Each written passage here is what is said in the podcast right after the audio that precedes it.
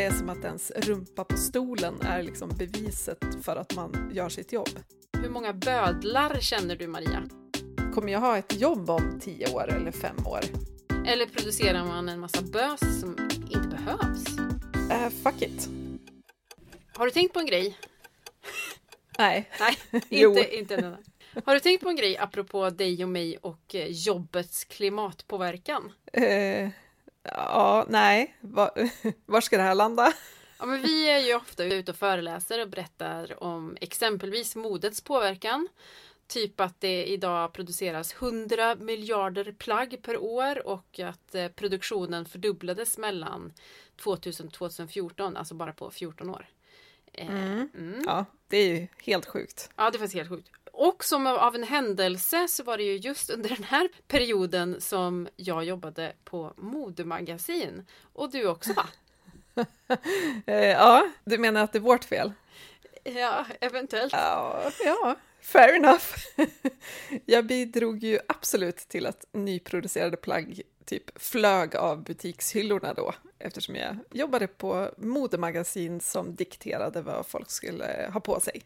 Ja, det här kanske inte är min stoltaste punkt på min CV känner jag nu. Hur, hur stor skämskudde behöver du när du tänker på det här? Nej men fan, alltså, jag tänker att det är dags att, att vända skutan och försöka göra rätt. När man vet att man har bidragit till någonting som inte är så fräscht kanske. Nej, sant. Är skämskudden köpt begagnad? Ja men givetvis. Ja, bra. Ja. Ville bara kolla. Mm. Och det här är Plan B-podden, en podd om klimat, omställning och framförallt lösningarna.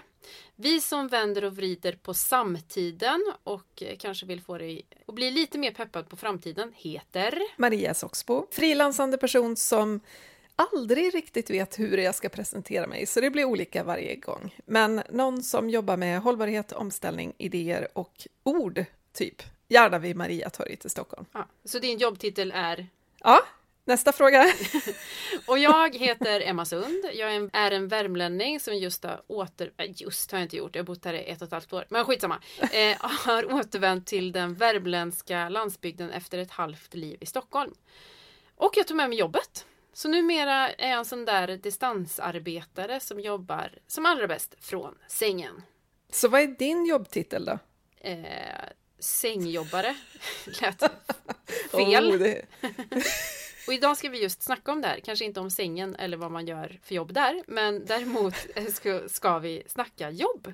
Eller business, brödföda och balt kneg. Men först ett klipp. There will be fewer and fewer jobs that a robot cannot do better. And I think ultimately we will have to have some kind of universal basic income. I don't think we're going to have a choice. The harder challenge, much harder challenge, is how do people then have meaning? Like a lot of people, they derive their meaning from their employment. If, if you're not needed, if there's not a need for your labor, how do you, how, what's the meaning? Det där var ett klipp med Elon Musk från World Government Summit. Lite otippat ändå att jag skulle känna mig som ett med Elon. Mm. Han är ju lite weird, den mannen. Men här håller jag med om faktiskt, både vad det gäller basinkomst, att det kan nog vara en del av framtiden, tänker jag. Eh, men också det här att vi nog måste fundera lite kring vad som ger oss mening i livet, om vi inte längre ska ha som mål att typ jobba ihjäl oss. Ja, det låter ju rimligt. Då undrar jag, vad är det märkligaste jobb du har haft? Det märkligaste jobbet är nog det jag har nu på deltid, alltså influencer eller greenfluencer eller vad vi nu ska kalla det. Jag hade liksom aldrig kunnat gissa att det skulle ingå i mina arbetsuppgifter att fota mig själv på en yogamatta med en ekologisk bladselleri. Alltså, Men jo, det har hänt. Det finns bildbevis på Instagram. Alltså, du då? Mitt märkligaste jobb var ändå när jag jobbade som statist inom militären. Va? Ja, alltså en sån här, en person som simulerar en skada och sen så ska bli omhändertagen. Och typ, mm. ja, man får så här eh, militärkläder och sen ska de klippa upp och sen så ska man bli, bli lagad. Så att... Var det, var det liksom några så här Oscars ambitioner som liksom fick li, lite utlopp där? Väldigt Nej. dramatiskt. Nej, jag tror bara att jag har dåligt med pengar. okay. ja. Men hur ser du på ditt jobb idag då? Alltså, vad jobbar du med? Ja, det är faktiskt Ge mig din jag arbetsbeskrivning. Herregud. Ja, men min arbetsbeskrivning är att jag föreläser en del om eh, klimat och omställning och försöker få folk bli pepp på framtiden, alltså den omställda och inse att våran samtid är ganska fucked up.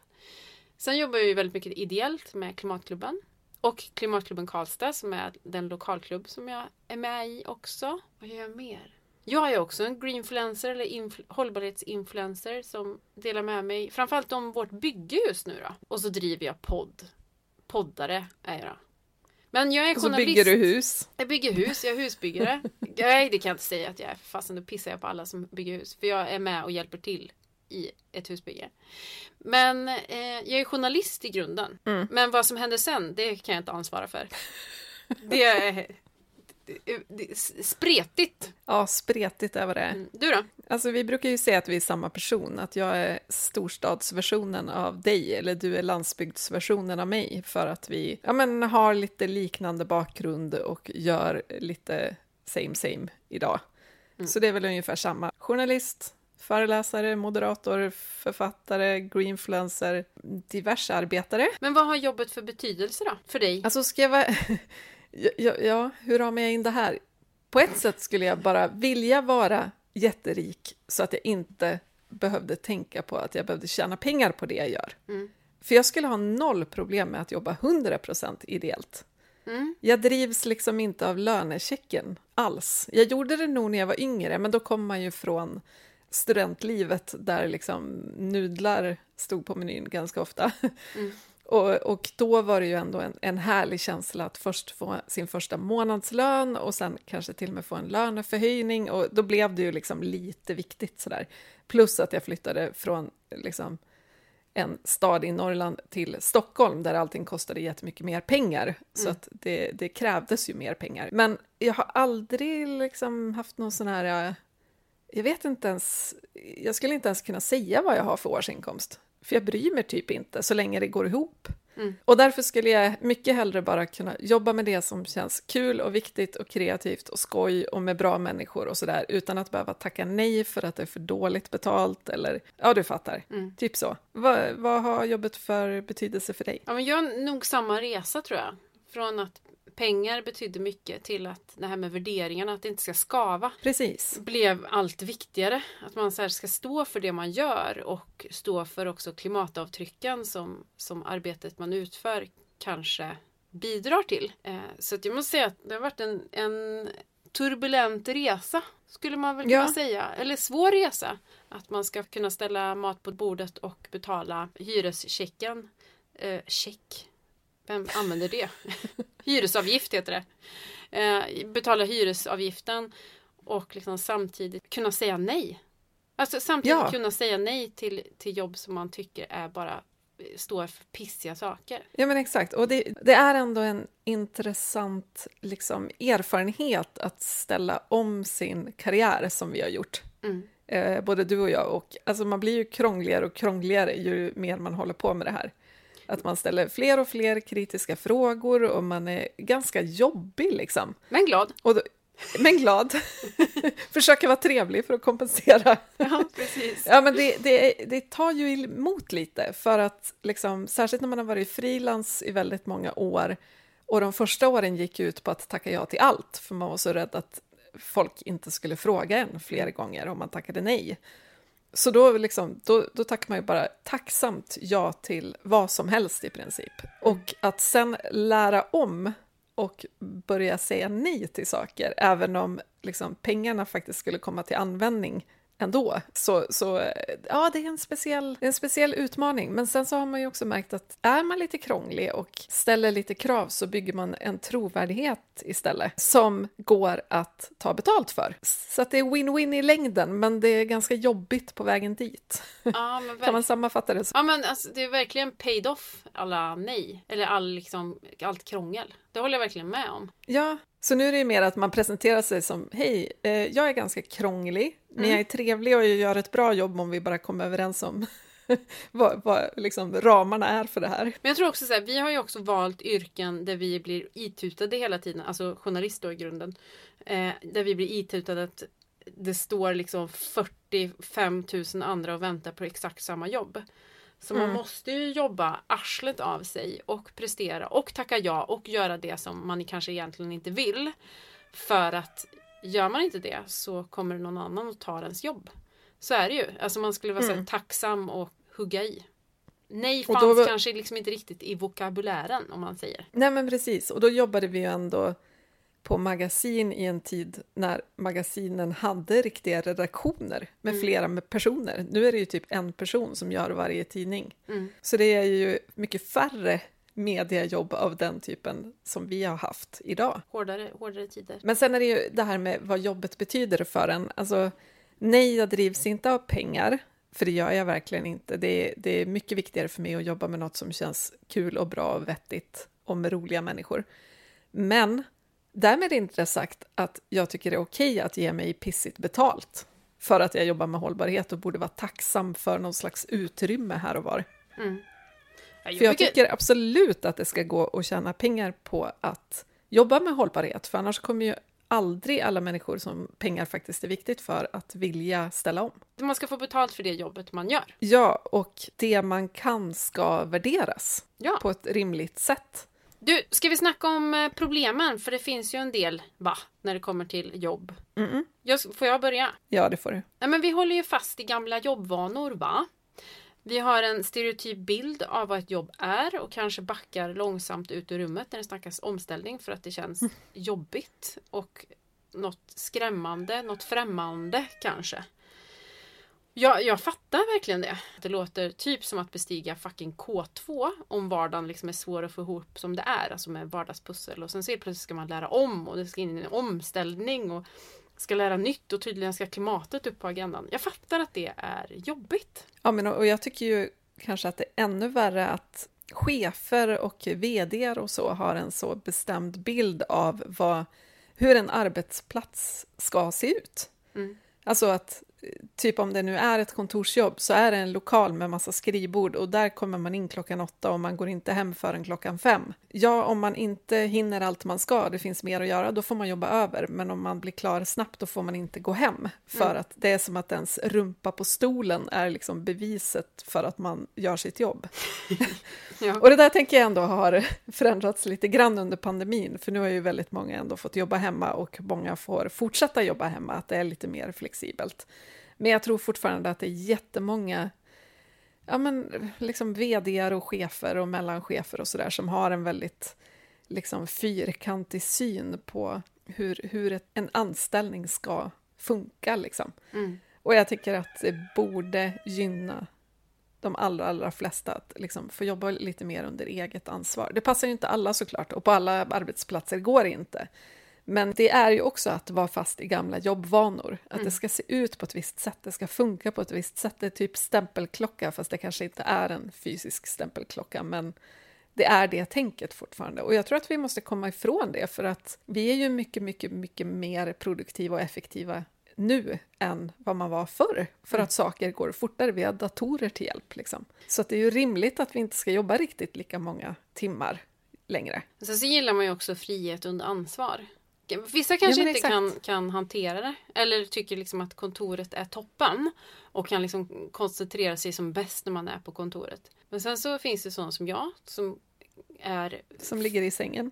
som ligger i sängen och är som mest produktiv kanske på förmiddagen och kvällen. Ja. Men, men så här, efter lunch och framåt, alltså så- jag är så odräglig. Alltså, det, jag får liksom ingenting gjort. Jag är så små duttar liksom. Men så sjukt effektiv på förmiddagar. Ja men lite efter lunch också. Mellan två och fyra, där är ett hål. Men sen, jag tänker också säga, jag har erfarenhet av, av arbeten som är dels frihet under ansvar, att man kunde jobba över lite på kvällstid ibland om man tyckte det. Och sen så kunna kompa ut det när man, man ja men som typ lite semester eller långhelg. Vilket var toppen. Och sen så har jag verkligen varit på, på arbetsplatser där man har blivit klockad, att det är någon som sitter och verkligen noterar om man kommer två minuter sent. Och man, man föredrar ju den här att man känner att man har mandat från chefen att faktiskt kunna lägga upp sin, sin arbetstid så att det funkar. Såklart med andra kollegor också. Eh, att man har ett system som funkar för det. Eh, Men jag och att också man det litar någonting- på att personen gör sitt jobb. Ja, precis. Istället för det- misstänksamheten. Som att så här, aha, aha, nu tog jag fast dig. Två minuter sent. Ja, men precis. Ja, men och jag tänker också på det här med att eh, om någon vill gå ner lite i tid för att man har små barn till exempel, så man går ner till 80 procent, då förväntas man göra sitt 100% jobb på 80 procent. Mm. Men liksom, det vore helt otänkbart att säga, får jag göra mina arbetsuppgifter på 28 timmar i veckan istället för 40 och få full lön? Då skulle folk bara, eh, nej, Nej. det är klart du inte kan få full, liksom, full lön om du bara jobbar typ 73 procent. Ja, men vadå, jag gör, jag gör det som ska göras, fast snabbare, så jag får vara ledig mer. Men det, jag tror inte den flexibiliteten finns nu, för att det är så inrutat att det ska vara 40 timmars vecka på de allra flesta jobb. Jag läste någon, någon intressant, eh, eller jag hörde om den, jag hörde om någon intressant undersökning, jag kommer inte ihåg, jag tror det var ett fackförbund som hade gjort det, där man hade frågat folk så här, vill du jobba 40 timmar i veckan? Och de bara, nej, nej, jag skulle nog faktiskt bara vilja jobba typ 30 eller 32 timmar i veckan. Jaha, okej, så du vill jobba deltid? Nej, nej, jag vill jobba heltid, men den ska vara 32 timmar i veckan. för att man vill inte säga att man jobbar deltid, för att det signalerar att, alltså, att någonting inte stämmer. Att man inte är helt arbetsför eller att man inte vill bidra fullt ut eller vad det är. Men man vill inte jobba så mycket som en heltid är idag.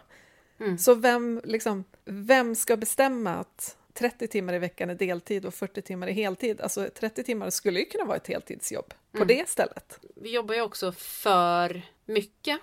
Med tanke på att det finns ord som stress och utmattning och livspussel. Det kanske inte är receptet på ett, ett liksom gött liv. Eller samhälle direkt. Stress. Jo, det låter ju som mysigt. Nej, jag håller med. Ett liv i farten.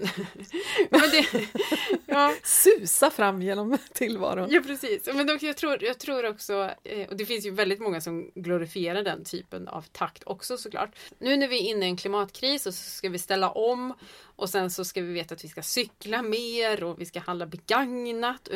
Så pressen ökar ju. Man, alltså, någon skulle föreslå en cykeltur när liksom livet känns som en uppförsbacke. Det är klart att man inte går igång på det. Eller att leta gummistövlar second hand när regnet ska ösa ner på förskolan i dagarna tre. Liksom. Alltså det är klart att man inte har tid med det då eftersom samhället inte är byggt för det. Dels så ska ju samhället förändras såklart så det ska bli enklare att handla de här gummistövlarna eh, när som helst och det ska finnas ett stort utbud återbruksgalleria. Eh, och sen så eh, ska det ju vara möjligt att ta cykeln och det ska premieras såklart. Men vi kanske också ska tagga ner lite. Ja, men verkligen. Jag tror att det vore bra på så himla många fronter. Alltså dels liksom hälsomässigt, att vi inte skulle vara så himla trötta och utarbetade och stressade. Men sen tänker jag också att det skulle vara bra för sådana här saker som jämställdhet, till exempel. För att just nu drar ju kvinnor ett större lass i hemmet. Och om båda föräldrarna, i en, framförallt kanske i, i en barnfamilj, skulle gå ner och jobba typ 35 timmar i veckan istället, då skulle ju båda kunna hjälpa till på ett helt annat sätt. Mm. Nu är det ju ofta en förälder och det är ju oftast kvinnan som går ner i tid.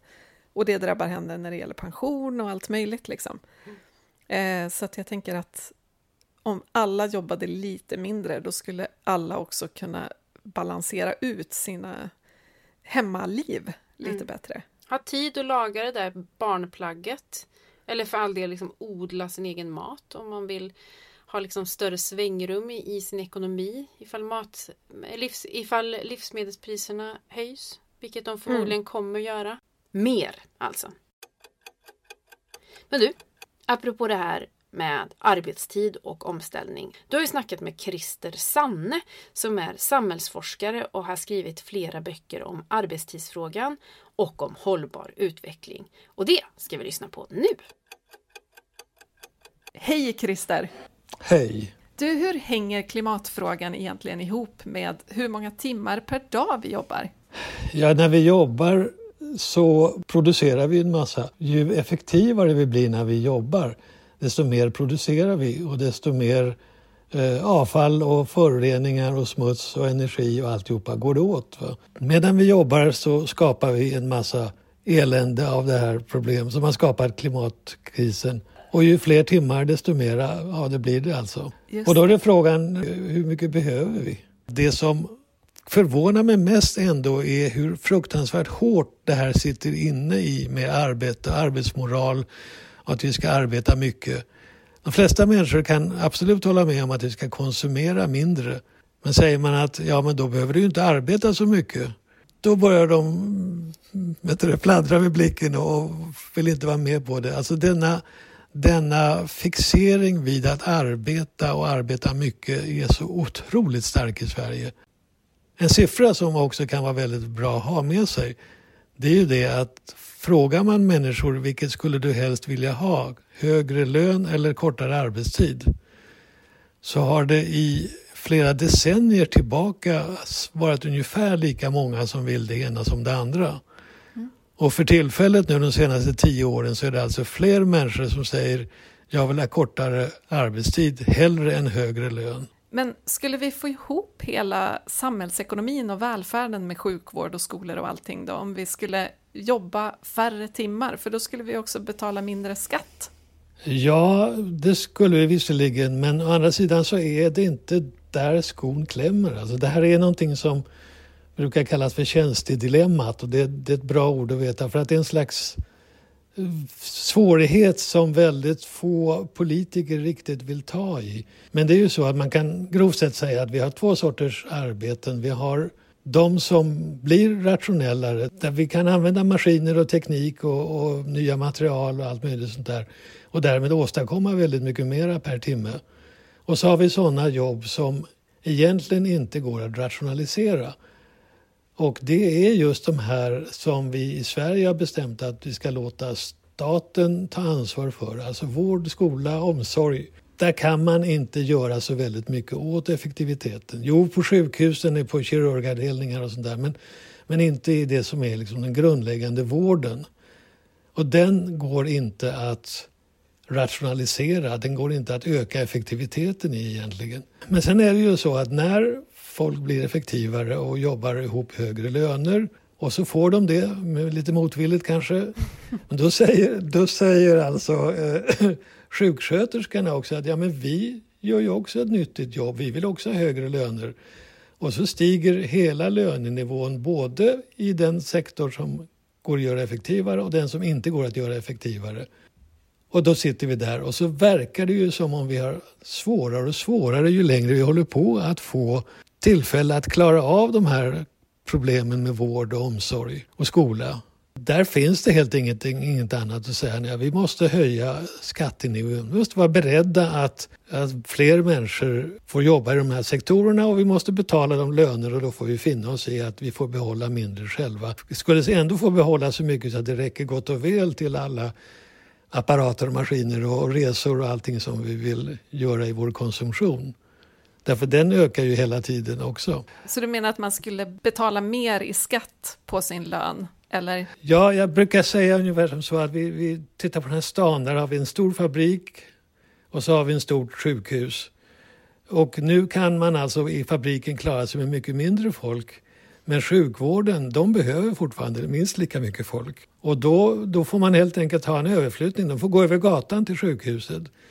Men det är klart att alla måste vara med och betala för det där och, och, och då får ju det gå på alla sorters löner och alla andra sätt vi kan få ihop pengar på. Det är tjänstedilemmat, alltså att vissa tjänster inte går att rationalisera och då får man finna sig att de blir en större del av ekonomin. Titta bara då på vad folk jobbar med. Jo, de jobbar inte i, egentligen med att göra grejer. De jobbar med, med vård, omsorg och skola och, och det kostar. Vet vi säkert då att, att förkortad arbetstid skulle leda till lägre utsläpp? Ja, det är ju en del i hela ekonomin. Alltså det, man kan ju uttrycka det på det här sättet att de flesta människor i Sverige eh, tjänar mycket mer än vad de kan konsumera på ett hållbart sätt. Just det. Det är ju ett grovt uttryck, men, men det, det är egentligen vad det handlar om. Va? Om de jobbar lite mindre så skulle de kanske få lite mindre lön och då skulle de å andra sidan vara lite bättre balans med vad de hade råd att konsumera. Och då talar jag inte alls om liksom hur man lägger sin konsumtion eller vad man gör. Men, men eh, jag är bekymrad över alla falska eh, påståenden som förekommer om att vi måste öppna nya gruvor och vi måste göra ditten och ditt, datten. Någon slags nyindustrialisering.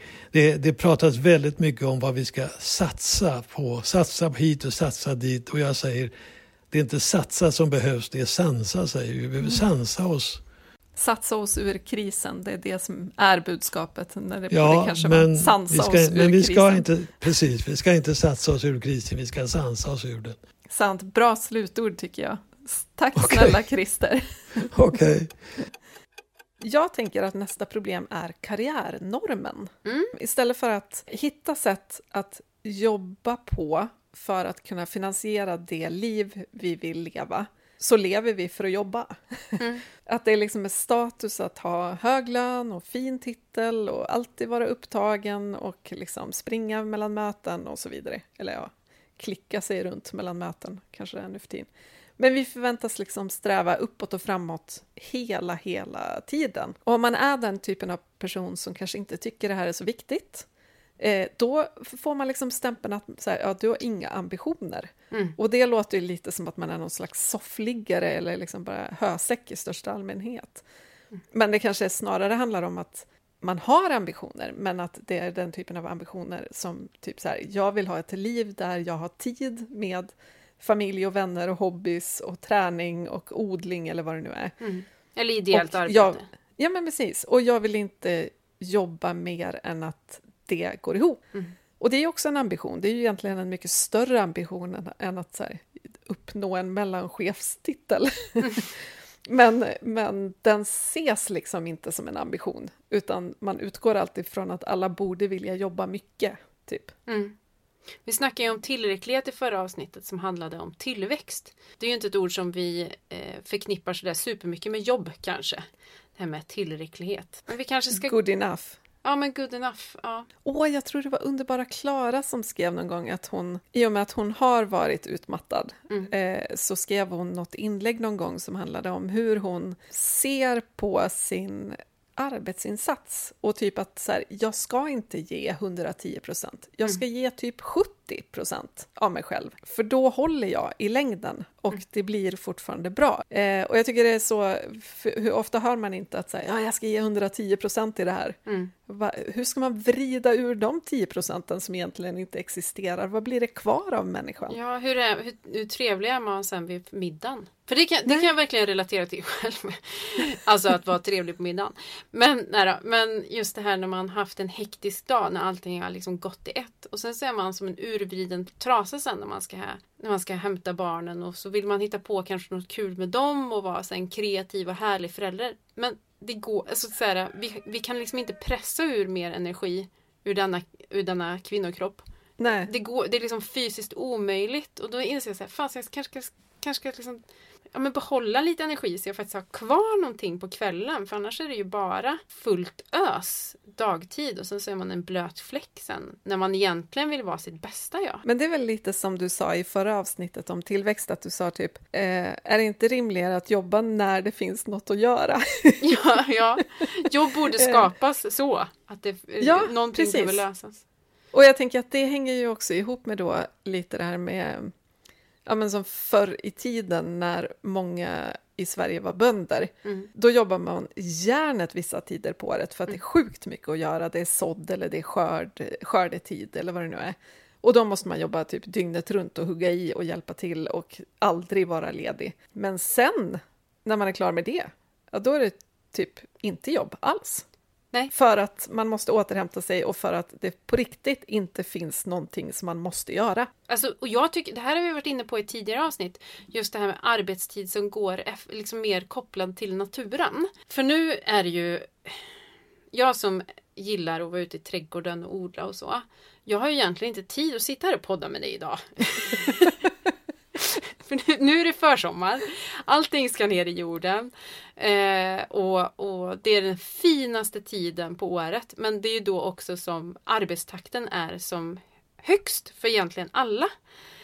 Precis innan sommaren, man ska liksom hugga tag när man ska på semestern. Och tänk om, om våra arbetstider var mer i, i, liksom, i harmoni. Gud, jag låter så jävla flummig när man pratar om harmoni och natur i samma mening. Så, så låter det helt plötsligt helt Helt vår Woodstock ja, helt världsfrånvänt. Men jag kommer gå den vägen. Jag har inga problem att jobba järnet på vintern för det är inte så mycket annat för mig. Men sen så när det liksom, när saker ska ner i jorden och eh, fan det ska avveas också. Det, folk är så taggade på att ses på, so på våren och sommaren. Och sen så är det vid skördetid som man gärna ska ta upp allting så att ingenting förgås. Det handlar ju om att också ta hand om resurserna. Då kanske jag jobbar på mitt dayjob eh, 70% istället för 100% Sen mm. så har jag inga problem sen i oktober fram till mars att jobba hur mycket som helst. Okej, det lät Nej, men... inte så hållbart i och för sig, men du fattar vad jag menar. ja, men och grejen är att jag hör verkligen vad du säger och jag tycker det låter helt rimligt. Och på ett annat sätt så skulle jag också vilja jobba mindre på vintern på grund av naturen. Mm. Är du med? För att det är mörkt eller? ja. Du är trött? För att Ja, men vi är tröttare för vi får så lite dagsljus och det lilla dagsljus som är, då ska vi vara i typ en lysrörsupplyst lokal mm. istället för att gå ut och få lite sol på nästippen. Mm. Men du, jag har det. Eh. Om vi bara jobbar mindre, då ja. har vi ju faktiskt tid för både då, det ena och det andra. Ja, men exakt. Ja. Jag, jag, tror verkligen, verkligen att vi borde jobba mindre. Ytterligare en sak som Underbara Klara har tagit upp i ett blogginlägg som faktiskt påverkade mig jättemycket, det var att hen, hon sa att jag kommer inte riktigt ihåg rubriken men det handlade om att hennes liv var... Eh, Rustat för lågkonjunktur. Exakt! Ja. Precis. Och jag läste det här, eh, ja, jag vet inte när det var, men om det var kanske under pandemin. När alla liksom uppdrag hade ryckts undan eftersom eh, jag tydligen hade byggt hela min arbetsinsats på event och föreläsningar. Dålig idé kan jag säga. Och så stod man där med skyhöga lån och eh, en lägenhet som var fin men kostade mycket. Och jag bara, min, mitt liv är ju inte alls rustat för någon form av lågkonjunktur. Mitt arbetsliv är ju rustat för att jag är på topp hela tiden. Det är högkonjunktur. Allting går som jag själv vill.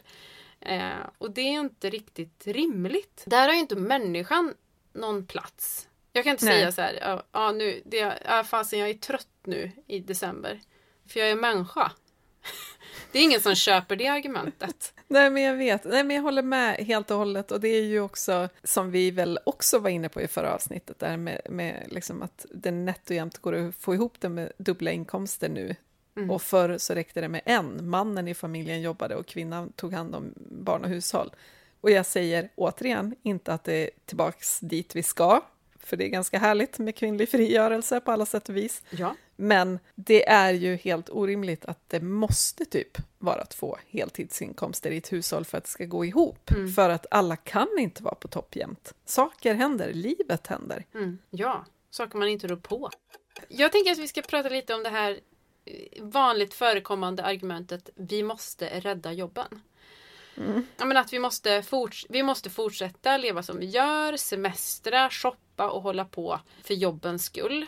Vad händer med arbetstillfällena kopplade till turism till exempel på Kanarieöarna eller Maldiverna om vi slutar flyga dit? Mm. Det känns ju 0% hållbart. Men det vi glömmer är ju att yrkena utvecklats i alla tider. Minigallup här. Hur många bödlar känner du Maria? Uh, ja men tre, men en jobbar deltid.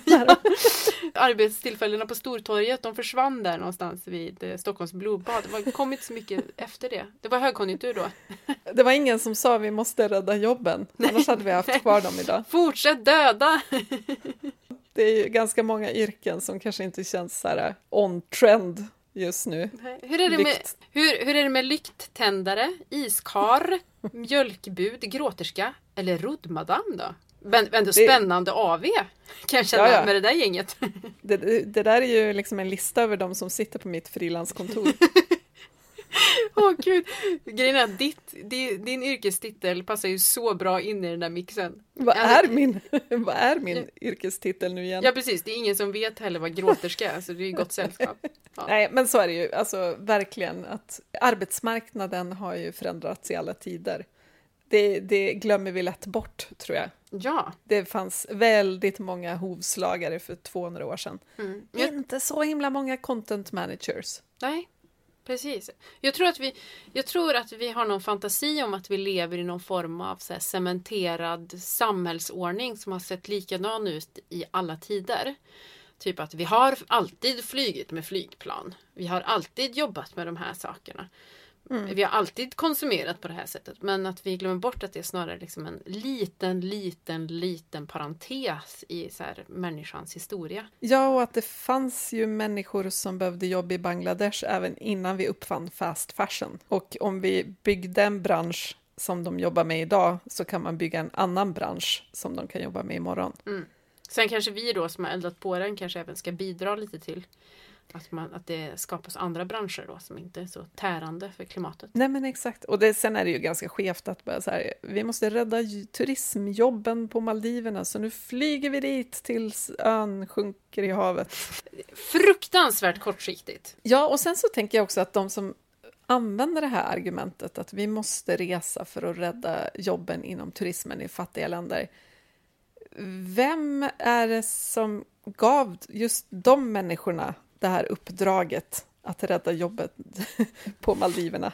Ja, man är utsedd av Gud. Ja, regeringens särskilda sändebud för turismräddande insatser. Gud, man måste Ja. känna sig meningsfull. Jag har ju på riktigt varit på Maldiverna själv, Ja. så att jag, jag är ju ytterst delaktig på alla sätt och vis. Eller rättare sagt, jag försökte rädda jobben där. Däremot kan vi ju rädda lokala jobb genom att semestra lokalt, handla lokalproducerad mat och faktiskt ja, men stötta bygden, kommunen och regionen. Alltså de jobb som finns här. Vi är ju en förutsättning, alltså vi glömmer bort det så jädra ofta. Men istället så är normen att snacka om jobben någon annanstans, typ turismen på Maldiverna. Och lite, lite intressant är det att vi kan tänka oss att bry oss om människorna på Maldiverna om det handlar om att åka på semester. Eller människorna i Bangladesh om det handlar om att shoppa en ny härlig vårgarderob. Men handlar det om att vi ska sänka utsläppen och skippa de här grejerna? Ja, då är vi inte så taggade längre. Mm, är det så att vi vill ha en vinning på köpet? Fräscht. Ett problem bland många, det är ju det här äh, jobbskavet som jag tror många känner. Alltså, du har nog haft det och jag har garanterat haft det. Och det är liksom insikten om att man liksom inte direkt bidrar till minskade utsläpp. Och så ska man försöka att rättfärdiga det på något vis.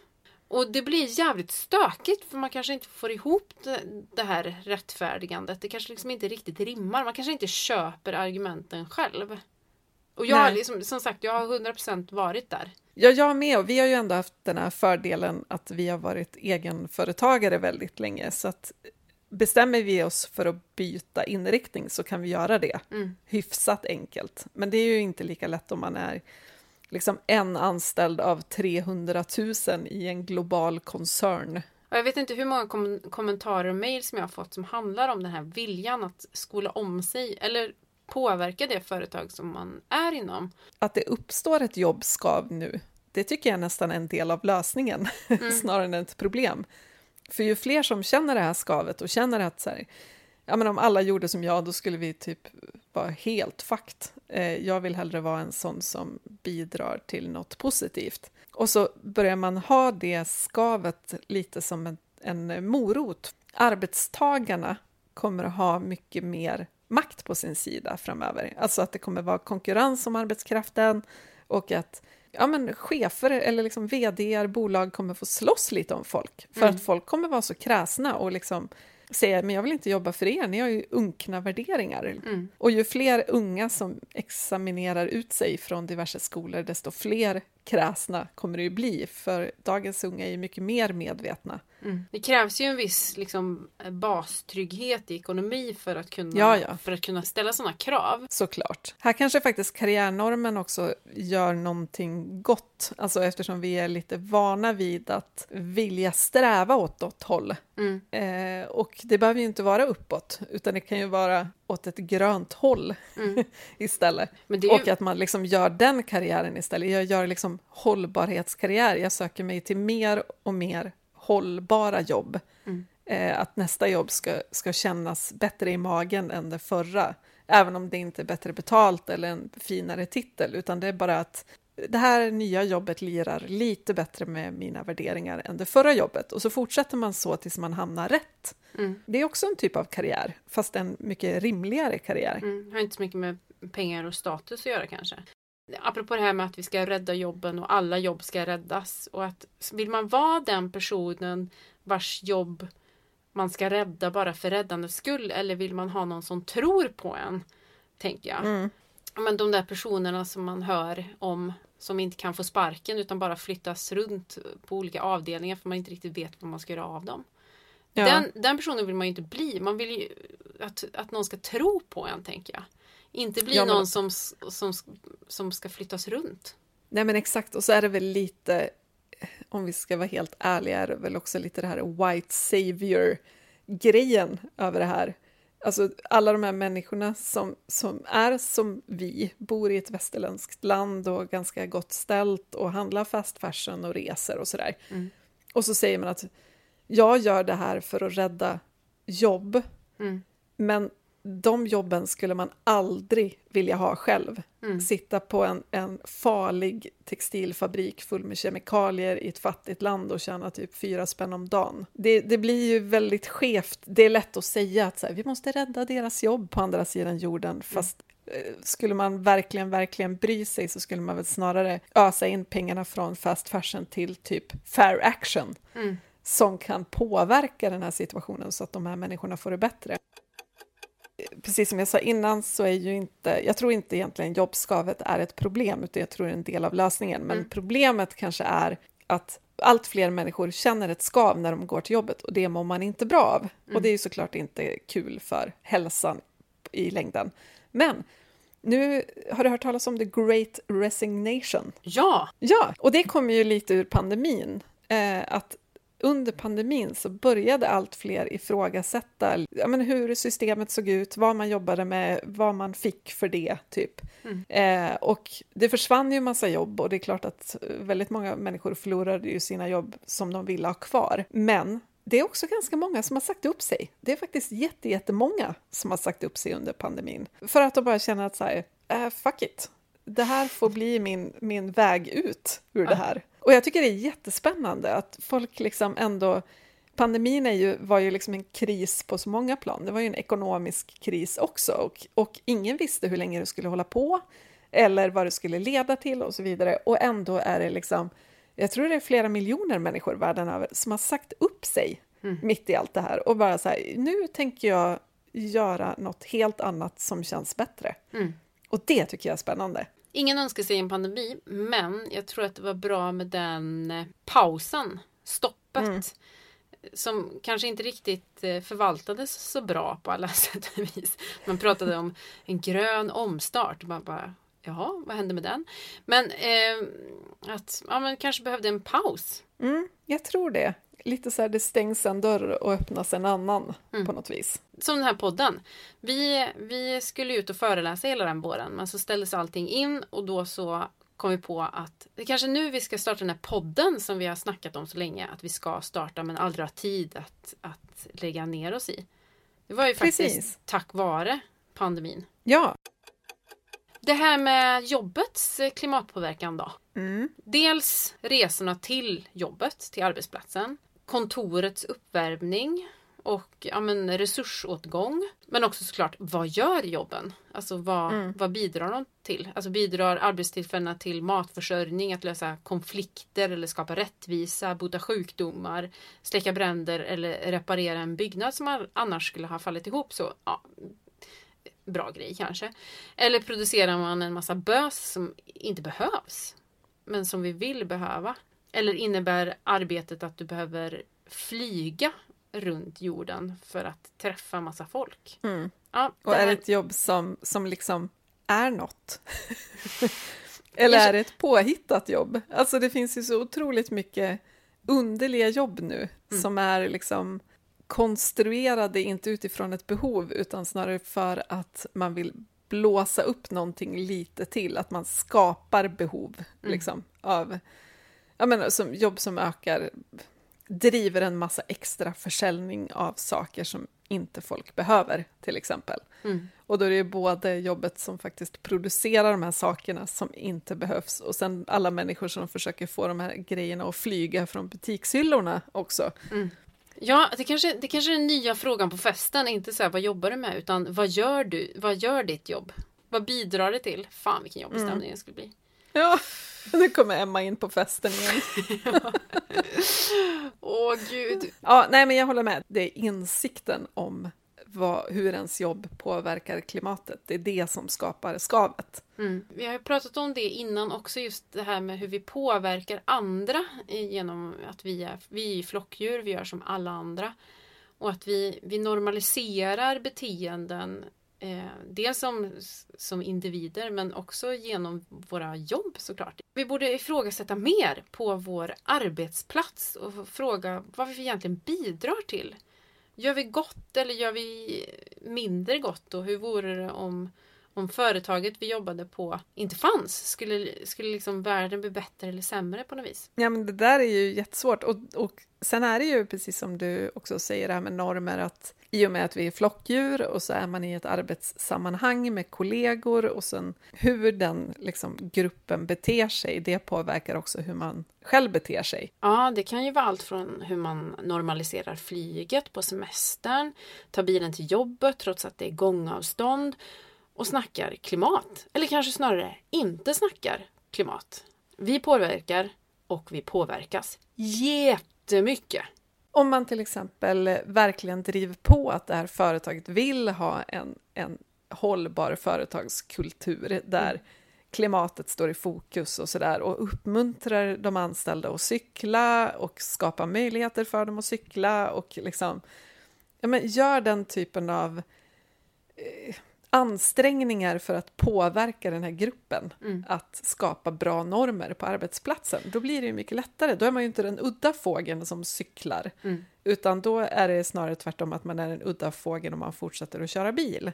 Alltså gud vilken makt man sitter på. Alltså möj ja. sån möjlighet att här, sätta upp vettiga ramar. Verkligen, och det, och det ska ju liksom inte... Jag menar det är klart att företaget har ju viktigare omställningsresor kanske i att faktiskt ställa om företagets så här, vad man gör och vad mm. det släpper ut och sådär. Men eftersom vi tillbringar så sjukt mycket tid på vårt jobb mm. så är ju det en otroligt bra grej om man kan påverka de anställda att ja, men nudga dem i rätt riktning. Liksom. Jag var på besök hos ett företag som serverade vegansk lunch till alla sina anställda. Alltså att det ingick liksom i att man fick lunch. Mm. Och det såg de som... Gött. Ja, faktiskt. Alltså en bra förmån men också ett bra sätt att introducera de anställda till vegansk kost. Och sen så tror jag att man såg sitt företag som så en stor organism där liksom arbetskraften ingick i liksom hela ens eh, företagets utsläppsbudget. I att man, ja men mm. vi vet att våra medarbetare äter mat med lågt klimatavtryck under, under eh, arbetsdagen. Och så kunde de också köpa med sig hem till middagen ifall de skulle vilja. Så att det inte blev mm. något matsvinn. Det var också ett bra sätt att så här, räkna in sitt företags utsläpp. Att det kanske inte bara är det de producerar utan se hela liksom, kedjan med medarbetare och allt som, som viktiga i sitt hållbarhetsarbete. Ja. Och förenkla då att göra vettiga val då om det är pusha till att ta tåget på semestern till exempel istället för flyget. Förenkla Precis. de valen i alla led. Fan vad gött, vad meningsfullt det skulle vara att arbeta på det företaget skulle jag känna. Ja. Nu tänkte jag att vi ska prata om framtidens jobb och fråga oss om det satsas på rätt jobb. Mm. det här har ju vi grottat ner i eh, framförallt för ett år sedan tillsammans med Våra barns klimat, eller hur? Vi gjorde alltså en lång, lång lista på framtidens jobb, 101 stycken. Och de tog vi fram tillsammans med Klimatklubbens medlemmar som fick spåna fritt. Mm. Eh, och så fick vi ihop en jätte jättelång lista, ännu längre. Och sen så hade vi en jury som hjälptes åt att sålla och eh, vissa tjänster kanske var snarlika och så slog vi ihop det till en och så höll vi på så där tills vi hade en lista på 101 riktigt grymma och roliga jobb. Och en del av dem finns ju redan, läkare behöver vi liksom. Mm. Eh, men sen så var det väldigt eh, många också lite så här ja, men spännande jobb som kanske inte riktigt, riktigt finns idag, eller som heter något annat idag och kanske finns i någon form, men så här, återbruksmäklare biologisk mångfaldsskötare. Ja, men apropå det här att satsa på rätt jobb. Eh, I min kommun så var det snack om att ta ner en artig skog för att anlägga en shoppinglada på bilavstånd. Jag vet inte hur många fel jag såg i den meningen. Men, eh, ja, men då kan man ju ställa sig in gnutta undrande kanske. Med tanke på att vi ska sänka vår konsumtionstakt för att nå uppsatta klimatmål. Och vi vet ju att vi ska eh, minska bilåkandet. Och dessutom så står vi inför det sjätte massutrotandet. Och arter dör. Kanske liksom inte Eh, ah, jag vet inte. Recipe for disaster. Precis. Och vi är ju pretty much beroende av intakta ekosystem för att klara våran matförsörjning. Då kanske det är liksom rimligt att fråga sig om det satsas på framtidens jobb. Är det liksom legit att kutta ner den här skogen, eh, som för övrigt är åtgärd utan återvändo, eh, så att de här arterna som bor där förlorar sitt hem och med anledning att man ska anlägga en business som har med konsumtion att göra på bilavstånd. Ja. Mm. Mm. Och då kanske jag ska tillägga en sak. Att det, här, det här med att arter förlorar sitt hem kanske låter som en så simpel sak. Man kanske tänker att ja, men det är kringdrivande rådjur som liksom flackar runt och råkar bo just i den där skogen. Men likväl kan eh, bo i vilken annan skog som helst. Men just i den här skogen så bodde, håll i dig, tallticka. Mhm. Mm. Det är alltså en svampparasit som lever på gamla tallar och som skapar gynnsamma livsmiljöer för andra arter, typ insekter och fåglar och sådär. Problemet är bara att talltickan växer på tallarna. Så hugger du ner tallarna, då har du inte dem någonstans att bo. Du kan liksom inte sätta upp en skylt för talltickan och säga Hör, hör du talltickan? Jag har hört om en annan... Talltickshotell. ja, jag har hört om en annan gammal skog, den ligger väldigt långt bort här. Eh, du måste bara gå dit, eh, du har inga ben. Men ja, vi ska också säga att gamla tallar är en bristvara. Och vi behöver ju fler gynnsamma livsmiljöer på grund av då eh, sjätte massutrotningen som man pratar mycket om. Eh, ja, som sagt, lite svårt att bara Tallticka, du kan väl flytta till en annan skog. Hallå, det finns ingen annan skog! Då kan man ju rimligtvis, okej okay, det här blev en superlång rant, men då kan man ju rimligtvis fråga sig, hej kommunen, är det här framtidens jobb? Är det här förenligt med klimatlagen? Och uppsatta miljömål? Svar nej. För det var väl också en sån här, nu ska vi skapa jobb Mm. genom att liksom smacka upp den här shoppingladan. Och det gör man ju kortsiktigt, det blir ju jobb där. Mm. Men vi vet ju redan att vi inte kan jobba med den här typen av grejer hur länge som helst. Helst skulle vi ha slutat med det igår. Mm. Så det betyder ju bara att för varje jobb med att typ sälja fast fashion på, på rötterna av en artrik skog Mm. som vi skapar så måste vi ju sen ställa om ytterligare en person. Mm. Istället för att ge den personen ett rimligt liksom, framtidsjobb från början. Det är som att vi bara bygger längre och längre senvägar istället för genvägar. Jag tror faktiskt, nu var det inte fast fashion som skulle anläggas där utan jag tror faktiskt till och med att det var en byggvaruhandel vilket blir ännu roligare i sammanhanget. Mm. Tall, eh, tallplankor. Det vi måste komma ihåg när det gäller just de här utspelen är att vi behöver fler som ifrågasätter om, om det just är framtidens jobb. Men det är väl precis som med, med motorvägssatsningar och sånt. Mm. Att man än så länge går så himla mycket på prognos. Mm. Det kommer att behövas mer människor som jobbar i handeln. Eller det kommer att behövas större motvägar för att fler kommer att behöva köra bil. Mm. Eller kanske man ska sätta upp mål att färre ska behöva jobba med handel för det finns andra jobb som handlar om att laga det vi har. Mm. Och det kommer inte att behövas fler motvägar för att vi kommer att ordna jättebra kollektivtrafik och cykelbanor. Problemet är väl också att det satsas liksom inte på klimat. Alltså, eller det, det satsas inte tillräckligt på klimat och omställning och hållbarhet hos företag och arbetsplatser i stort. Att det snarare ses som liksom någon form av hobby eller särintresse. Jag Ja. tänker mest på så här, framtiden. Kul att du har något att göra. Ja. Jag vet inte. Ja, och det kanske inte är så konstigt om liksom, affärsmodellen handlar om att här, sälja billigt skit från Kina och då kanske det är jobbigt att ifrågasätta sin existens och liksom jobba med omställning. Men vi måste ju faktiskt föra fram de här frågorna som så här, argumentet är ju att man vill finnas till i framtiden också. Och då måste Mm. man ju ställa om. Har man en anställning på ett företag som liksom inte rimligtvis kan kallas särskilt hållbart idag, då har man ju all rätt att vara lite orolig för, så här, kommer jag kvar det här jobbet på sikt? Mm. Och då hoppas man ju ändå att fler och fler höjer sin röst och faktiskt ifrågasätter ledningen och säger så här, vår, vår affärsmodell kommer ju inte funka, den är 100% linjär till Mm. exempel. Kommer jag ha ett jobb om tio år eller fem år? Och hur säkrar ni våra jobb? Hur kommer det här företaget att överleva? Och det är ju liksom, ju snabbare man börjar ställa om det, så större chans har företaget att överleva och jobben säkras. Ledningen vill väl också sätt, ha liksom. jobb i framtiden tänker jag. Ja, och det där, det där tycker jag är intressant också, för att när vi pratade om det här med jobbskavet, gud vad vi hoppar fram och tillbaka i Mm. Ja, ja, tiden ja. här. Nej, men när vi pratar om jobbskavet så är det ju också en sån där grej som eh, folk klurar kring, så här, ska jag byta jobb för det här känns inte bra i magen? Eller ska jag stanna kvar och försöka förändra min arbetsplats inifrån? Mm. Och jag tror lite måste man väl känna själv vad man är beredd att göra liksom, och hur lång uthållighet man har och hur stor, stora möjligheter man har att påverka kanske. Mm. Men det är ju inte fel om man känner att så här, ja men fasen, jag skulle kunna göra skillnad här. Mm. Jag, jag kan få med mig ett gäng kollegor på att pressa på och jag skulle kunna starta någon form av liksom, hållbarhetsprojekt på min arbetsplats eller jag skulle kunna hugga den här grejen som behöver göras eller vad det nu kan vara. Kör! Det är väl asbra. Mm. Då är man ju en förändringskraft inifrån och det behöver vi ju massor som är. Mm. Eh, Så jag tycker, jag tycker liksom inte att enda lösningen är att säga upp sig och byta jobb bara. Utan ser man en möjlighet att förändra, då tycker jag man ska ta den. Eh, Jag måste upp ett, eh, ett inspirerande exempel eh, som har några år på nacken. Men det var när Scania stängde igen, de stängde igen produktionen för att utbilda all sin personal om klimatkrisen, tror jag det var. Okej, jag kanske ska googla. Det så här står det.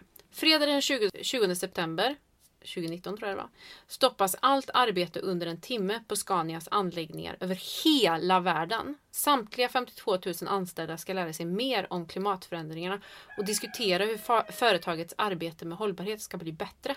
Alltså det här Ja, det är är, coolt. så jävla coolt. Men också Mm. tror jag att det är så viktigt att inte det här att prata om hållbarhet och ja, men att ställa om affärsmodellen inte ham- hamnar på en enskild hållbarhetsperson. Utan att alla ska vara med på liksom, utmaningarna så att alla kan komma med förslag på lösningarna. Jag tror det är så bra så att alla har samma grund att stå på. Inte att det ska vara en så här hållbarhetsperson som bankar hål i huvudet på sig själv och alla andra för att liksom få folk att förstå allvaret. Utan alla ska ju få den här grundläggande infon eller faktan. Det, det är klart att det blir rubriker och uppmärksamhet när man gör en så, liksom, ett tvärstopp över hela världen. 52 000 anställda ska utbildas. Mm. Och samtidigt var det en timme. Och Mm. frågan är hur det har följts upp. Så att även om jag tycker att det är ett jättekult exempel på när ett företag faktiskt försöker att göra någonting riktigt bra så, så kanske det än, hade varit ännu bättre att inte stänga ner produktionen överallt i en timme utan att införa en timmes klimatutbildning i månaden forever and ever. Där det passar i schemat för alla. Liksom. Mm. Men jag tycker att det är, jag håller verkligen med. Men jag tycker att det är ett spännande och väldigt eh, inspirerande första steg ska jag säga då. Eh, för de skapade ju jättestora rubriker på det här då. Och jag tror också att, och det här kanske låter lite cyniskt, men man måste förstå PR-värdet av att vara först. Ja, oh ja. Och det gjorde de ju helt rätt i. Det, det hade väl kanske egentligen bara... Det hade behövts en del två. Ja. Men, men jag tycker också att det är jättebra för att dels var de först, Mm. eh, vilket de alltid kommer att ha på sin CV, eller vad man ska säga. Men sen är det också att så fort någon mer börjar haka på, och jag vet ju inte om det är konkurrerande företag som har gjort samma sak, men börjar en haka på så kommer en till och en till och sen är det ju till slut någon som inte vill vara den enda som inte har gjort det. Precis. Så att det, det blir ju liksom en, en snöbollseffekt av det förhoppningsvis. Ja men apropå vad du pratar om, just det här med att inspirera andra så har vi ju en väldigt spännande samarbetspartner i det här avsnittet. Nämligen eh, Vision som är Ja. det första fackförbundet i Sverige att införa klimatombud. Jag har ju snackat då med Veronica Magnusson som är förbundsordförande i Vision. Vill du lyssna? Klart jag vill. Hej Veronica Magnusson! Du är förbundsordförande i Vision. Ja, det stämmer. Hej Emma! Du, Vision är ju första fackförbundet i Sverige att införa klimatombud och liksom på allvar möjliggöra ett fackligt klimatengagemang. Sånt gillar ju vi. Kan inte du berätta om den här nya rollen? Ja, men det här har vuxit fram utifrån att det finns ett stort intresse bland visionsmedlemmar och man vill helt enkelt bidra till den omställning eller förändring som många ser behöver ske. Och då är det ju så fiffigt att det fackliga engagemanget finns om runt om på alla, alla arbetsplatser eh, och där är det möjligt att engagera sig och använda våra fackliga strukturer till att förändra, påverka, lägga förslag, förhandla. Och det gäller ju arbetsmiljö, det gäller ekonomisk ersättning. Eh, så att vi har jobbat mycket med social och ekonomisk hållbarhet. Men nu kan vi använda det här även till att påverka för att få ner klimatpåverkan och få en bättre sätt att ställa om på arbetsplatserna. Så idén kommer från arbetsplatserna. Det kommer ifrån att Vision länge har haft ett eh, hållbarhetsengagemang och att klimatfrågan har blivit viktigare och viktigare för Visions medlemmar. Grymt att få jobba med klimat på arbetstid, kan man tycka.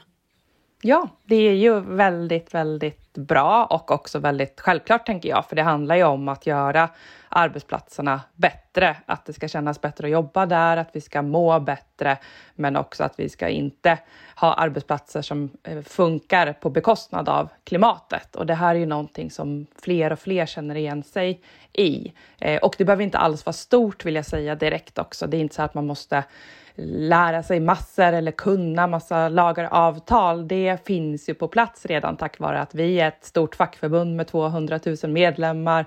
Det finns eh, råd och stöd kring vad man ska göra, kanske mallar eller tips eller sådär. Eh, och sen har man själv, det man själv har, det är att man kan sin arbetsplats, man kan sitt yrke och eh, en själv och ens fackliga eller ens kollegor på arbetsplatsen har kanske idéer om vad man skulle kunna göra. Men Vision är ju ett fackförbund med drygt 200 000 medlemmar och många jobbar inom kommun och region och bolag kopplat till välfärden.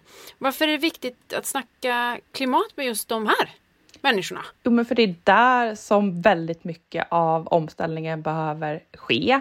Eh, det jobbar väldigt många människor där. Det är väldigt stor del som påverkar hur vi som medborgare, våra förutsättningar att, att leva våra liv. Det är där man driver hälso och sjukvård, skola, stadsbyggnad, skapar förutsättningar för hur vi hanterar vårt avfall, återvinning, avlopp. Allt det här är ju kommuner och regioner. Det är också där som man har kollektivtrafikfrågorna till exempel. Där sker det ju väldigt mycket och det är där förutsättningarna eller icke förutsättningarna för att leva hållbart till stor del skapas. Och sen är det också så att det offentliga omsätter väldigt, väldigt mycket. Eh, mer än 800 miljarder varje år köper man in saker för, upphandlar saker för. Så man till exempel ställer krav på klimat i de upphandlingarna så gör ju det enorm skillnad. Känns som att ni har kommit åt en viktig, viktig del här nu i samhället. Ja, det har vi. Alltså som att ni har dragit ur proppen för omställningen med, det här, med den här rollen. Ja, men det vill vi göra i alla fall. Det handlar ju om att, att få igång många, många eh, idéer och initiativ runt om på arbetsplatserna för att, att förändringen ska ske. Så att det, det, det är egentligen det samma arbetssätt som jag använder med facklig mobilisering, att engagera väldigt, väldigt många, att lägga förslag eh, på väldigt många arbetsplatser, men som tillsammans då både leder till små förändringar, men kanske också gör att arbetsgivarna känner att amen, här finns det ju ett stort intresse och en vilja från, från medarbetarna och då, då måste man möta upp den. Nu finns det ju 50 klimatombud runt om i Sverige. Hur samarbetar klimatombuden med varandra? Ja, men det är jättehäftigt. Eh, som sagt, det är helt nytt. Vi har bara smugit igång det här och trots det så har vi redan 50 personer som har sagt att jag vill kliva in i den här rollen.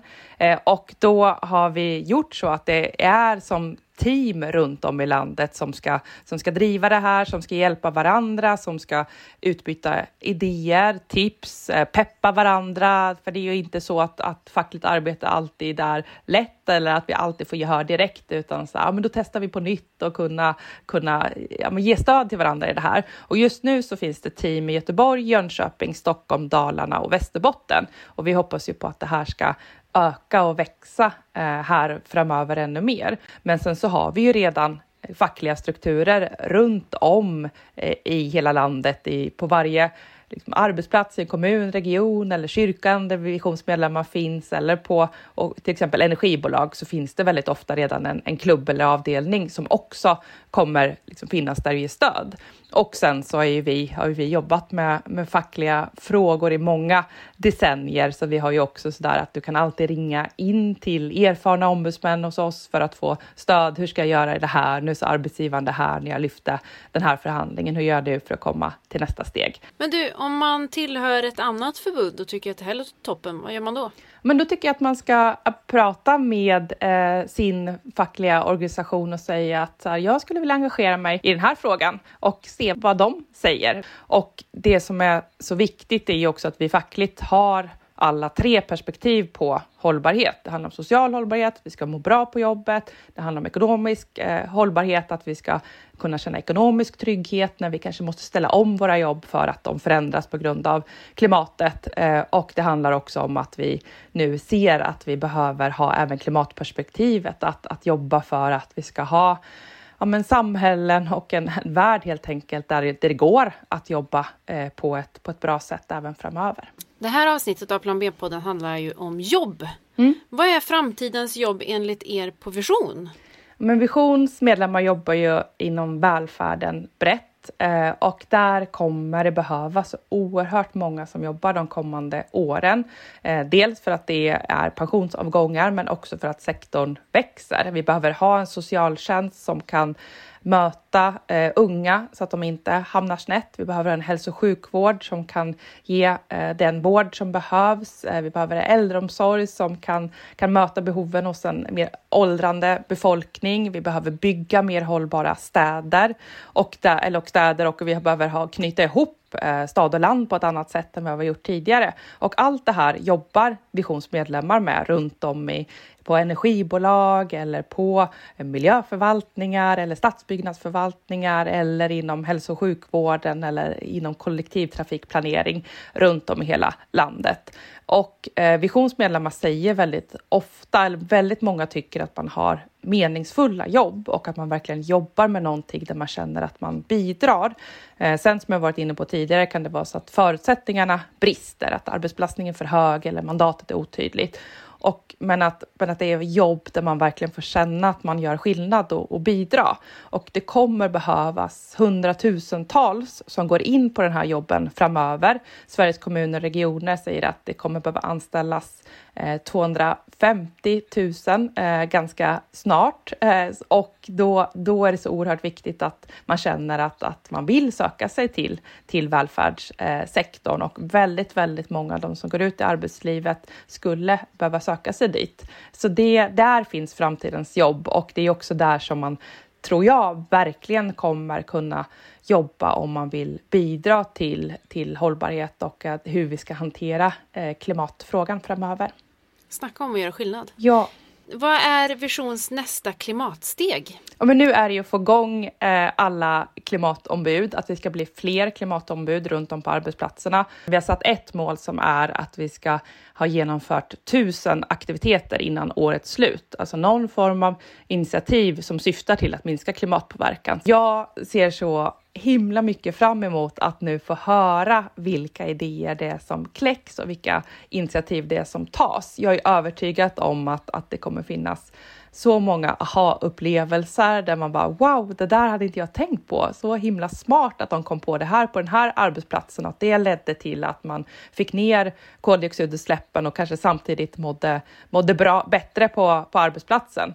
Så att våra vårt nästa steg är alla de här små, små, små stegen eh, runt om på arbetsplatserna som tillsammans kommer bli ett, ett stort eh, kliv. De här tusen initiativen vill man ju ta del av. Ja, och de ska ju vi bara dela allt det går, bara, både sinsemellan inom Vision, alla engagerade här, men också hoppas vi att vi ska kunna inspirera andra arbetsplatser och andra fackförbund till att också eh, påbörja det här arbetet. Det ser vi fram emot. Tack så mycket! Ja, men det här är så sjukt intressant. Alltså så grym roll och att man ska kunna jobba med klimatfrågor på arbetstid. Det här behöver vi många som gör. Och är du medlem i Vision, bli klimatombud. Hör av dig till Vision och prata med din lokala avdelning eller klubbstyrelse. Jag gissar att det är många av er som lyssnar på Plan B-podden som är engagerade och har klimathjärtat på rätt ställe. Så hör av dig till Vision. Och är du inte medlem i Vision utan ett annat fackförbund, kontakta det fackförbundet och peppa dem till att ta efter den här bra idén. Copy with pride. Vill du läsa mer om den här rollen så gå in på vision.se klimatombud och så hoppas vi på massor av Plan B-poddlyssnande klimatombud där ute i landet. Jag håller helt med. Heja Vision och stort tack för att ni sponsrar Plan B-podden. Har du några alternativa jobbdrömmar? Om podden skulle flyta... Om podd...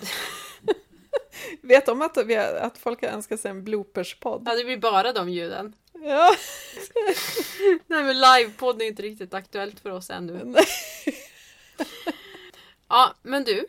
Har du några ja. Har du några alternativa jobbdrömmar om podden skulle sluta flyga menar jag? Eller ja, rälsa då.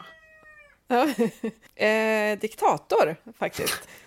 nej, där är förnöjelseminister är nog kanske bättre. Men mm. nej, alltså hur mycket jag än beundrar alla som orkar hugga ja, men det måste ju ändå vara världens mest otacksamma jobb, det vill säga politiker, så skulle jag nog inte palla själv. Men ibland kan man ju bli så här, kan vi bara fatta några obekväma beslut så vi kommer någonstans? Mm. Och då kan jag vilja bli diktator lite grann. Du, har du några? Ja, men jag har ju potatis, potatisodlingen. Ja, just det, potatis-Emma. Potatis-Emma som jag ska falla tillbaka på. Eh, nej men jag skulle nog vilja odla lite mer. Men sen så, apropå det här med diktator är ju väldigt intressant. Jag skulle gärna vilja sätta upp de där ramarna. Ja, då är man ju diktator. Ja. Fan vad, vad snabbt det gick från demokrati till ja, diktatur. diktatur. Ja. Och, jag, och jag kan ju inte heller bli politiker eftersom jag har så mycket skit i hörnen. Det kom vi ju fram till i förra avsnittet. så att, nej, det får nog bli potatis. Ja. De ifrågasätter inte så mycket. Nej, men jag, det jag skulle vilja egentligen, mm. för det jag tycker ändå att vi har gjort ganska smart, är att vi har försökt förpacka klimatfrågan på ett ohållbart sätt.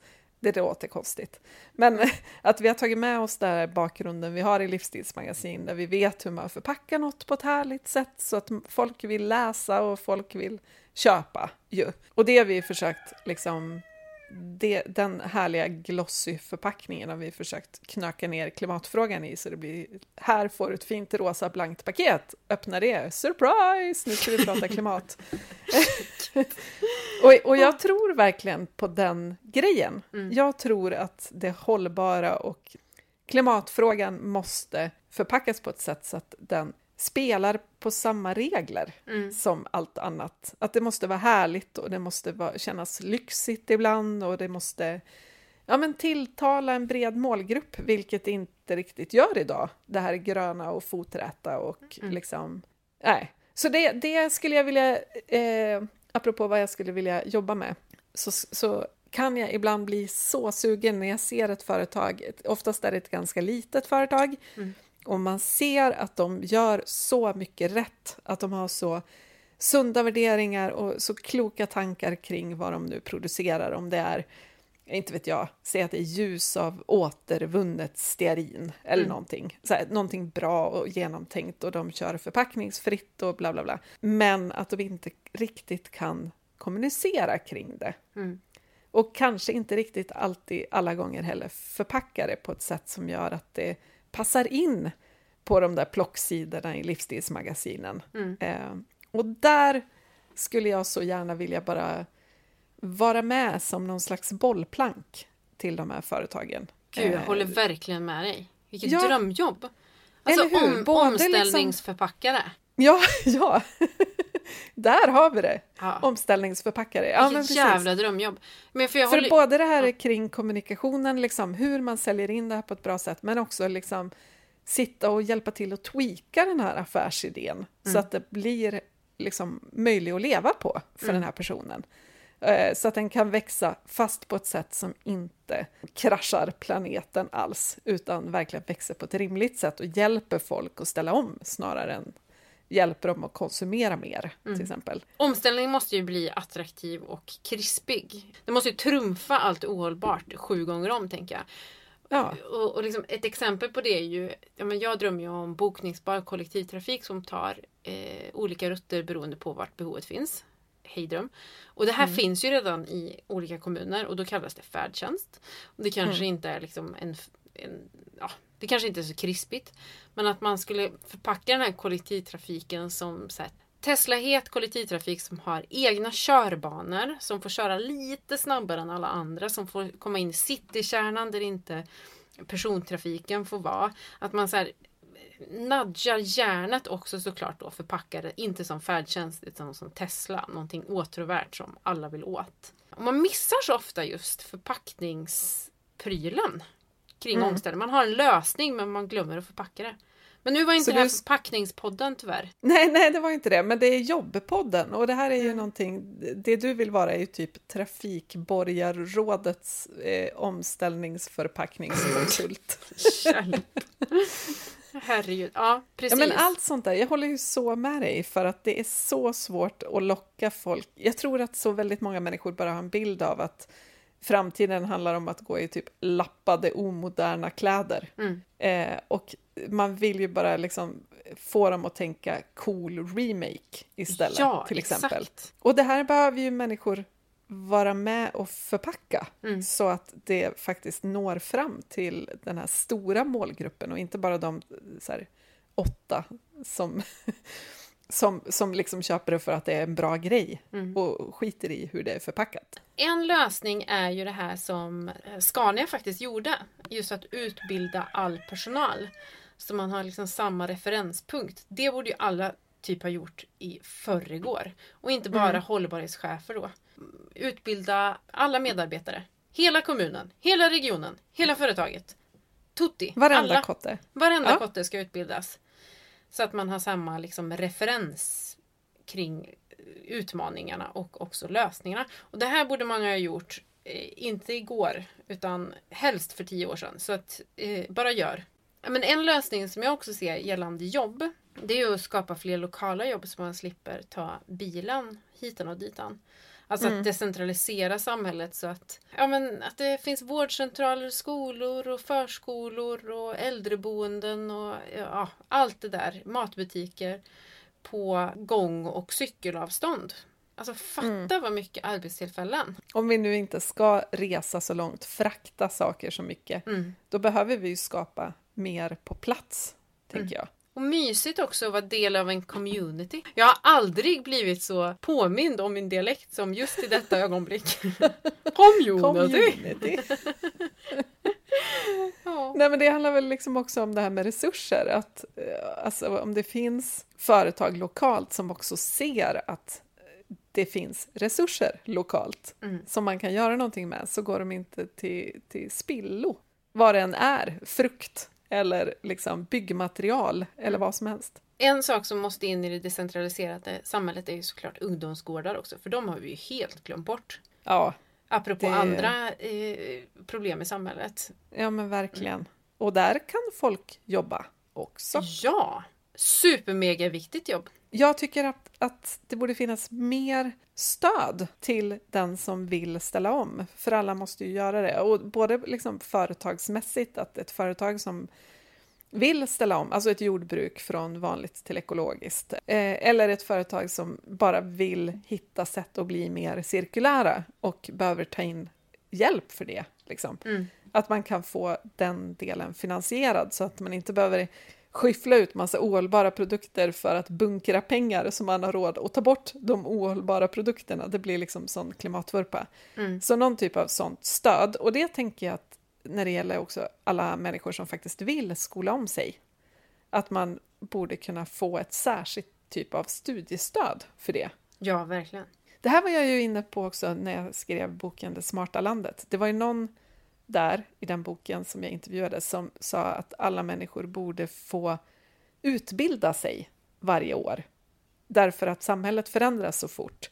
Så att vi kan inte leva på gamla meriter. Alltså just nu så, så pluggar ju bara människor i princip. Liksom, man går färdigt grundskolan och sen går man ett par år, kanske på högskola och sen börjar man jobba.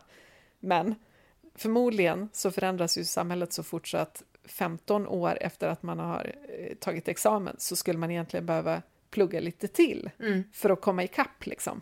Eh, så att om det, vi på något vis hade en, en genomgående strategi där alla människor hela tiden får möjlighet att vidareutbilda sig lite grann, en vecka om året, säg, Mm. så skulle vi också kunna liksom få in hållbarhetskunskapen kontinuerligt i alla. Det finns faktiskt ett förslag om omställningsstudiestöd. Fasen var svårt att säga. Eh, det här omställningsstudiestödet är ett eh, förslag från regeringen och ett beslut om det här omställningsstudiestödet eh, väntas nu i sommar. Och det här stödet ska underlätta för den som redan befinner sig i arbetslivet men vill bredda sin kompetens och stärka sin ställning på arbetsmarknaden. Bra grej! Ja, kopplat till det här med omställning och att just få stöd, att, att det ska finnas eh, stöd eller bollplank kommunalt eller regionalt för företag som vill komma och så bolla möjliga affärsmodeller med proffs.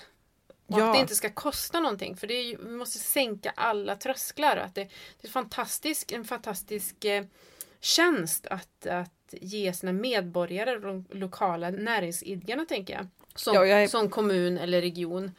Eh, att ha liksom en omställnings, och jag hatar ordet, hubb. hubb. Ja, Jag är ju lite förtjust i ordet hackathon Ja. också. Jag tänker att kommunerna typ borde skapa hackathons som handlar om att lokala företag ska hjälpa till att komma på lösningar på problem i regionen. Ja! Och sen får de det uppdraget sen. Den som har bästa idén får liksom jobbet. Ah. Vill. Då skulle man ju kunna lösa massor av problem och företagen skulle få in uppdrag som de behöver för att växa och kunna anställa fler. Det är liksom win-win. Mm. Jag, jag förenklar ju det här bisarrt mycket, jag hör ju det själv. Men låt en kvinna drömma. Ja! En lösning är ju också att sänka trösklarna så mycket det bara går för att Eh, medarbetarna ska kunna göra så vettiga val som det bara går. Allt från att erbjuda elcykel, förutom att man sänker utsläppen hos medarbetarna så får man ju också friskare personal. Mindre sjuknärvaro och så lever man längre. Det finns money to make, det är ju hemskt att säga, men eh, av att ha en frisk personal. Men också en kreativa förmåner som, som eh, den här veganska maten på jobbet och möjlighet att ta med sig middag hem om det blir rester. Och eh, min favorit då, det här med att man får extra semesterdagar om man väljer att ta tåget istället för flyget på semestern. Just för att Mm. tåget tar längre tid. Och då får man som en liten bonus extra med semesterdagarna. Det tror jag många skulle haka på. Ja, lätt. Kollektivtrafikpass. Mm. Bra grej. Ja, som man gärna verkligen. skulle vilja ha som förmån. Alltså det går man ju igång på, den typen av förenklingar. Ja. Dessutom, det är inte en förmån, men att, att vi når sex timmars arbetsdag. Att vi, vi jobbar lite mindre. Vi, är, vi, jobbar, vi jobbar lite mindre och har tid för annat. Kanske att jobba Ja. ideellt, laga den där tröjan som det har gått ål på. Eh, ha tid att eh, köpa second hand innan återbruksgallerier finns i, i alla regioner. Och kanske ta cykeln till jobbet även om det tar lite längre tid. För man, Ja. man, eh, det, det är inte så stressigt i framtiden. Vi har insett att det är ett ganska vulgärt liv att leva i framtiden. Det här med stress och ja, livspussel och andra tråkiga ord. Vi eh, producerar ju dubbelt så mycket idag per timme än vad vi gjorde på 70-talet. Så att egentligen skulle vi ju kunna gå hem vid lunch, kan man ju Mm. tänka. Men det gör vi ju inte, för vi måste hålla igång tillväxten. Det här kan man höra mer om i förra avsnittet. Men jag tänker också att det är ju ett sånt otroligt bra argument till att vi borde förkorta arbetstiden för att just nu överproducerar vi bara mm. halva dagen. Vi producerar fram till lunch och sen överproducerar vi och det är väl det som är problemet. Och då tänker jag att om vi förkortar arbetstiden också, så betyder ju det förmodligen att vi kan skapa fler jobb bara för att vi hjälps åt på ett annat sätt. Mm. Ingen jobbar mer än sex timmar, men det blir ju fler jobb av det också. Mm. Och så får alla sänka tempot lite så blir det ännu fler jobb. Att man inte behöver vara dubbelt så produktiv som på 70-talet utan man är ungefär lika produktiv som på 70-talet och så gör vi bara fler jobb av det. Då kanske vi har tid att vara trevliga mot våra barn och hitta på ja. kreativa saker och också ha tid att träffa den där vännen som kanske behöver en kram. Jag tror att vi behöver, vi behöver liksom mer svängrum i våra liv så att vi har tid att ta hand om de som är runt omkring oss. Mm. Men jag tänker också på det här som underbara Klara sa, att ha ett, en jobbsituation eller ett liv som är resistent mot eh, lågkonjunkturer. Det är väl drömmen kanske, att man, ja, men som du var inne på, att, man, att det ska finnas svängrum för att någon blir sjuk eller är människa. Ja, verkligen. Och jag, jag tror ju inte att den typen av så här, upprustning för en lågkonjunktur handlar om att jobba, jobba, jobba, jobba och liksom lägga massor av pengar i madrassen som man har om det går åt skogen längre fram, mm. utan tvärtom att man försöker hitta sätt att skala ner sin eh, liksom, livsstilskostym och inte så att den sitter illa och är tråkig och ful, utan bara att den är lite mer bekväm och flexibel mm. ifall att det händer något. Mm. Så att den inte, den inte äter upp varenda krona vi tjänar idag, utan att det finns marginaler. Liksom. Så jag tänker att lösningen också är att använda den kompetensen man har fast omsätta det i, eh, i klimat och omställning.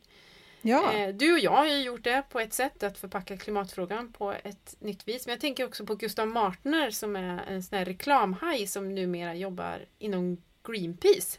Mm. Som använder sin reklamkunskap att omsätta det i, i klimatengagemang. Fler personer behövs och jag tror att det finns så mycket kompetenser där ute som, som eh, sitter på mängder av smarta idéer på hur man hur man löser kniviga situationer och problem. Har man jobbat i modebranschen så kan man förpacka saker på ett moderiktigt vis mm. och då kommer ju, det här behöver ju till exempel second hand hjälp med. Hur kommersialiserar vi second hand så att det blir lika attraktivt? Mm. Ja, men det handlar ju mycket om skyltning till exempel. Eh, och det handlar lite om hur man marknadsför second hand. Jag gillar ju Myrornas nuvarande kampanj som verkligen är så här Spring Summer 2022 står det på deras, eh, att man talar det här språket som nyproducerat mode också gör. Mm. Men allt är hållbart såklart för att allting är begagnat. Mm. Sen så måste vi såklart höja statusen på eh, yrken. Samhällsbärande mm. yrken som eh, sjukvårdare och omsorgspersonal. Och sen så ifrågasätta mer de här andra yrkena, vad de gör för gott i världen. Börsmäklare. Mm. Höja upp inte bara till exempel sjuksköterskor utan också, ja men jag träffade till exempel på Hantverksföreningens pressträff en konststopperska mm. som kan laga typ vilket tyg som helst så det inte syns. Mm. Eh, hon var ju helt fantastisk, men hon är typ en av tre i Sverige Gud vad sjukt. Och hon behövs ju verkligen. Ja men verkligen. Alla de här som faktiskt kan göra saker med händerna och laga och reparera någon eh, så här, uråldrig kunskap mm. som håller på att dö ut. Och det är ju inte bara för att ingen vill jobba med det utan snarare tvärtom att vi producerar till exempel kläder som inte går att laga. Mm. För att det är typ plast eller så dålig kvalitet så att det inte bara blir ett hål utan det bara upplöses i tomma intet när man har tvättat det tre gånger. Den här typen av jobb ska vi efterfråga vi är en förutsättning för att den här typen av jobb finns och finns kvar. Nu kör vi call to action. Ja. Hur man kan påverka arbetsplatsen. Punkt nummer ja. ett. Be att få titta på företagets hållbarhetspolicy. Blir det tyst? Då behövs den. Ja. och kolla även på resepolicyn. Ja, där ska det stå att digitala möten och tåg ska väljas i första hand och flyg används endast i yttersta nödfall och då kanske det behövs en rejält god anledning. Dessutom är det nog ganska knepigt och klurigt och omständigt att också boka den där flygbiljetten. Nästa punkt. Föreslå smarta förmåner som puffar medarbetarna i rätt riktning. Till exempel elcykel då, som det finns eh, många ekonomiska incitament att eh, ge som förmån. Eller hyra, eller vad man väljer. Kollektivtrafikpass så att man kan åka kollektivt som sänker utsläppen för alla medarbetare som använder det. Erbjuda vegansk mat till exempel, eller lokalproducerad mat under arbetstid. Supermega lyxigt såklart. Och den här äh, fantastiska som jag drömmer om, äh, det är ju att få extra semesterdagar om man tar tåget istället för flyget på semestern. Punkt tre. Försök att hitta ett gäng kollegor. Det beror ju på hur stor arbetsplats man har, men om det är ett stort företag så kanske man faktiskt kan hitta några som känner lite samma. Så att man blir liksom en grupp som kan försöka påverka så att man inte stångar sig blodig själv.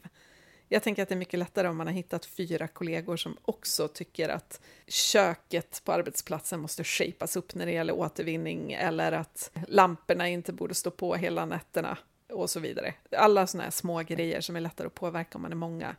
Eh, jag tror att också att det är mycket, mycket lättare att våga ifrågasätta saker. Till exempel greenwashad marknadsföring från företaget, om man är fler. Nästa punkt är ju såklart att tillhör du ett fackförbund som inte är version eh, så tipsa ditt fackförbund om att eh, införa smarta klimatmässiga stöd för er som är med i facket. Och införa ett klimatombud kanske? Ja, Punkt 5. Man kan också använda Klimatklubbens Facebookgrupp om man vill få idéer kring något väldigt specifikt. För där startas det ofta särskilda trådar som har just med jobbet att göra. Till exempel, hur påverkar det här? Eller har ni bra exempel på hur man kan göra det här? Och dels kan man ju leta i arkivet, för det finns jättemånga trådar om det här. Men har man någon specifik fråga, ställ, starta en tråd där. Man kommer att få bra idéer. och sista punkten. Starta en utmaning mellan kollegorna och få med er chefen på vem som kan sänka sina utsläpp och komma på de smartaste idéerna för företagets framtid när det gäller omställning. Ja, Ja, nu måste vi sluta. Jag har inte tid med dig längre. nej, det är sant. Nej, tack för idag! Tack för idag, det är kul att jobba med dig, Sund. Ja, du detsamma. Ja. Fan vad trevligt det är. Eh, snart är det sommar. Ja. Och eh, vi ska göra en massa bonusavsnitt och vill du bestämma vad de bonusavsnitten ska handla om så tipsa oss. Om du har en härlig idé på någonting som vi inte har tagit upp. Och vi kommer också att viga ett av de här avsnitten till en frågepodd, precis som Ja. vi gjorde förra sommaren. Och det betyder att vi vill ha in frågor. Man kan skicka Gud, via DM, trevligt. man kan skicka till planbpodden gmail.com. Och extra stor chans att vi tar med frågan är om man skickar ett röstmemo, för det Ja. älskar vi. Så gör det. Tänk ut en bra fråga och spela in den på telefonen och mejla den till oss. Tack för idag! Tack för idag, ha det bra, hej! Hej då!